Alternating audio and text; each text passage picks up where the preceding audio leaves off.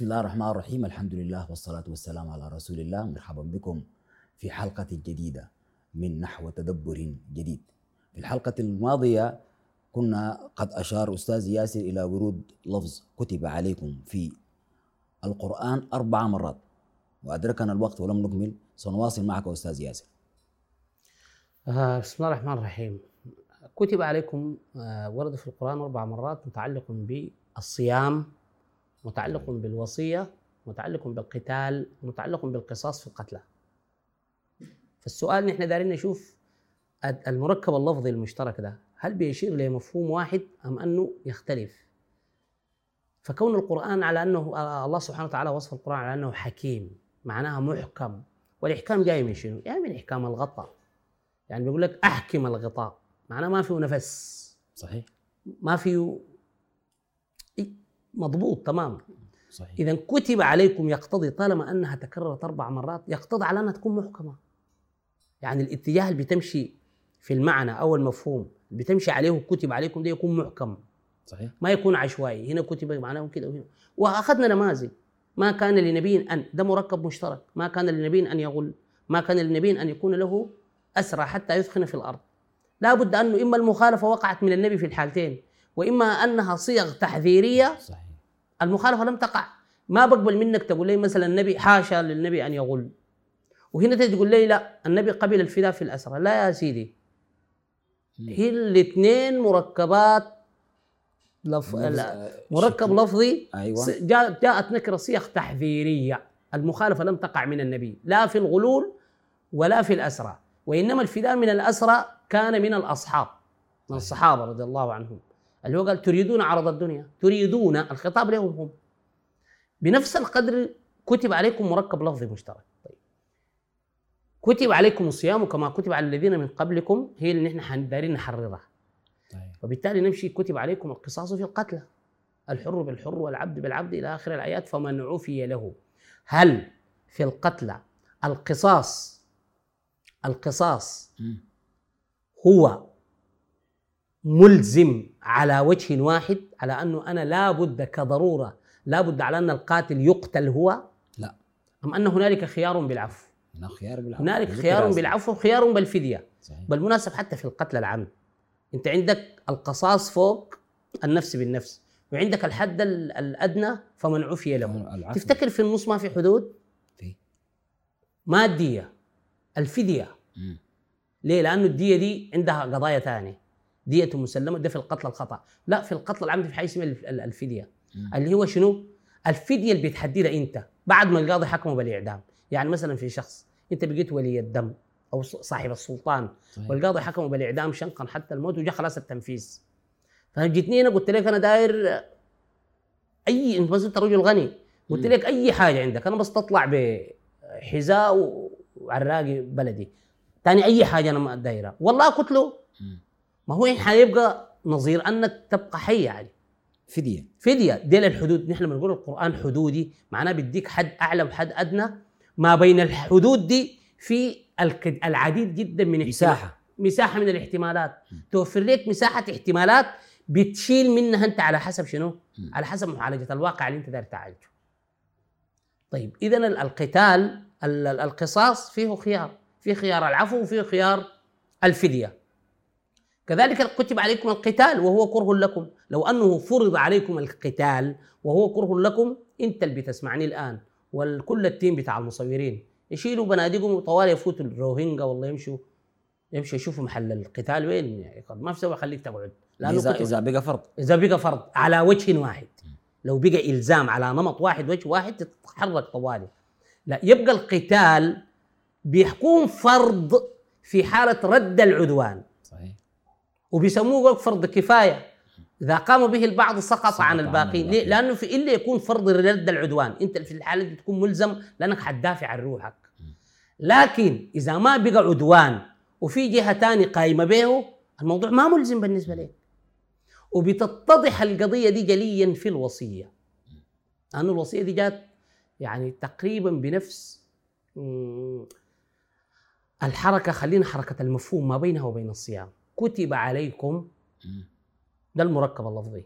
إذا حضر أحدكم الموت إن ترك خيرا الوصية للوالدين والأقربين بالمعروف حقا على المتقين. هم طبعا قالوا هذه الآية منسوخة. ده بعدين حنجيه لأنه النسخ دي أصلا شوف حيثما تجد نسخا في القرآن الكريم فاعلم أن هنالك عجز. يعني الزول اللي بيقول لك منسوخة ده ده بس بلو ما قال بس بلو ما رفع الراية. المفترض يقول أنا عجزت. ما ما, ما فهمت. غلبني تفسير. أيوه. و- و- ونسخت بماذا؟ منهم من يقول أنها نسخت برواية في في في سنن الترمذي. لا وصية لوارث. وهي لا وصية إلا لوارث. لما نحن نجي ندرسها. مع جايانا حلقات ثانية عن العلاقة ما بين الوصية والميراث. صحيح، الوصية والميراث. قالوا منسوخة. يعني نسخت برواية. ويجي مثلا تجد الشيخ محمد حسان يقول لك حذاق الأئمة. اتفقوا على أن السنة تنسخ القرآن. هذه ورطة صراحة.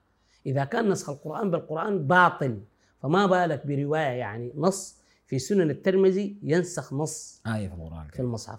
ده خلي مقتضى الإيمان يفرض عليك أنت المفترض ما تساهم في القضية دي. خليك فهمتها والله. لا مقتضى الإيمان ذاته.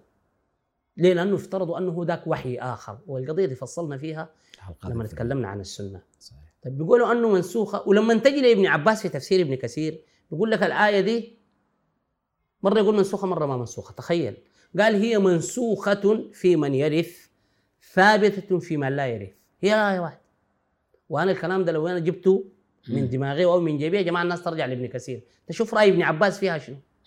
خل سيبونا من القدسية اللي عندكم عن ابن عباس رضي الله عنه وأرضاه.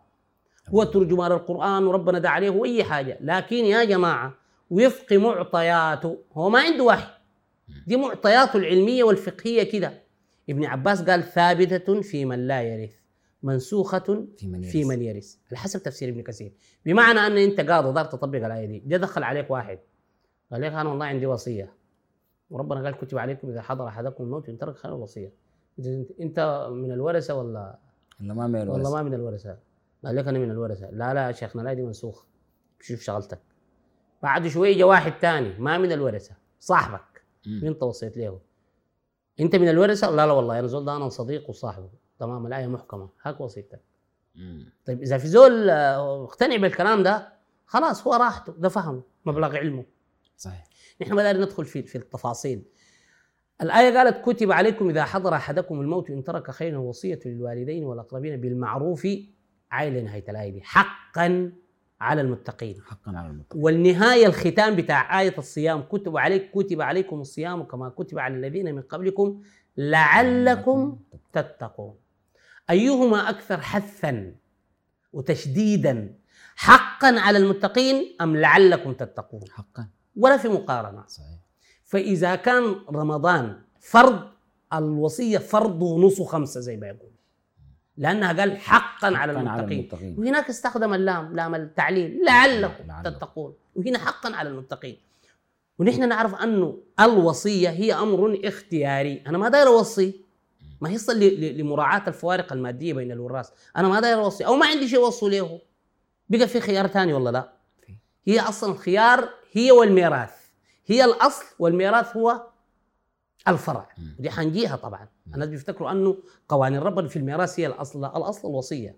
بعد الميراث لا يأتي إلا بعد الوصية وانفاذ الدين. اذا الوصية اختيار والقتال فيها اختيار والقصاص ليس مساحة. إلزام على وجه واحد. برضه هنا تقتضي القاعدة مم. أن كتب عليكم الصيام لا يمكن أن تشذ. ما بتطلع من النسق مم. اذا موضوع الصيام اختياري. ده مبدئيا. قبل ما أنا أدرس وأفكك وأشوف هل هو فعلا اختياري ولا لا. طيب.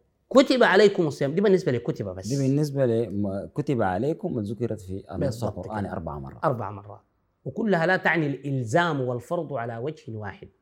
طيب ليه بقى بس في الآية اللي بتخص رمضان آه، آه، يتعامل المنتوج ال- ال- ال- ال- البحثي والتفسيري إنه بس هنا ده فرض؟ وفي وهنا الباقي ما فرض ده, ده السؤال ال- يعني ده أول سؤال ممكن ده يتبادل قالوا يعني. السؤال المجنن بوبي زي ما يقول. هاي يعني ليه بس في رمضان بيقول هم إلا فرض المفترض يبرروا للكلام ده. ما, ما أنا ما أعرف. خلاص هم على إنه ركن وما ركن. وبعدين حنشوف هذا رمضان ده ركن ولا ما ركن. ما هي العقوبة المترتبة على من تركه؟ أبا زول أبا يصوم كده. أنا بعدين ده بالمناسبة الدليل النظري القوي من الأعمدة. مم. خلو النص القرآني عن أي تهديد أو وعيد لمن يخالف الأمر بالصيام. حاجيك لها ونقارن نعمل مقارنة بينه وبين ال- اللي بنسميها نحن الأركان الثانية أو الشعائر الثانية. ولا يفهم يعني حتى لا أقع مع المشاهد الكريم في مفهوم لم يقصد أو مقصود لم يفهم. أنا ما دار أقلل من قيمة الشعائر لكن دارين نخطها في موضعها الصحيح مم. على حسب المطلق كتب عليكم الصيام كما كتب على الذين من قبلكم لعلكم تقون لعلكم تتقون. أيام معدودات. ليه هنا ما في مشكلة؟ عشان نحن لو بدنا نسترسل في القضية دي أيام معدودات. يعني في النهاية محصورة العدد. لما ربنا يتحدث عن معدودة أو معدودات, معدودات. تشير على أنها محصورة العدد. عندما يقول معدودات أمر يتكرر. صحيح. وعندما يقول معدودة حدث لمرة مرة واحدة. واحدة كما مثلا يوسف وشروه بثمن بخس. دراهم معدودة.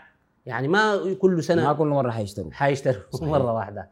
لكن أيام معدودات هنا هذه معناه تتكرر. حيتكرر. وفي الحج برضو قال أيام معدودات وأيام معلومات. حاجة متكررة. صحيح. المد المد الاستغراق في المد بتاع الألف ده. صحيح. أيام معدودات. طيب دي يفصل؟ فمن كان منكم مريضا أو أو على أو سفر على سفر فعدة من أيام أخرى. أخرى.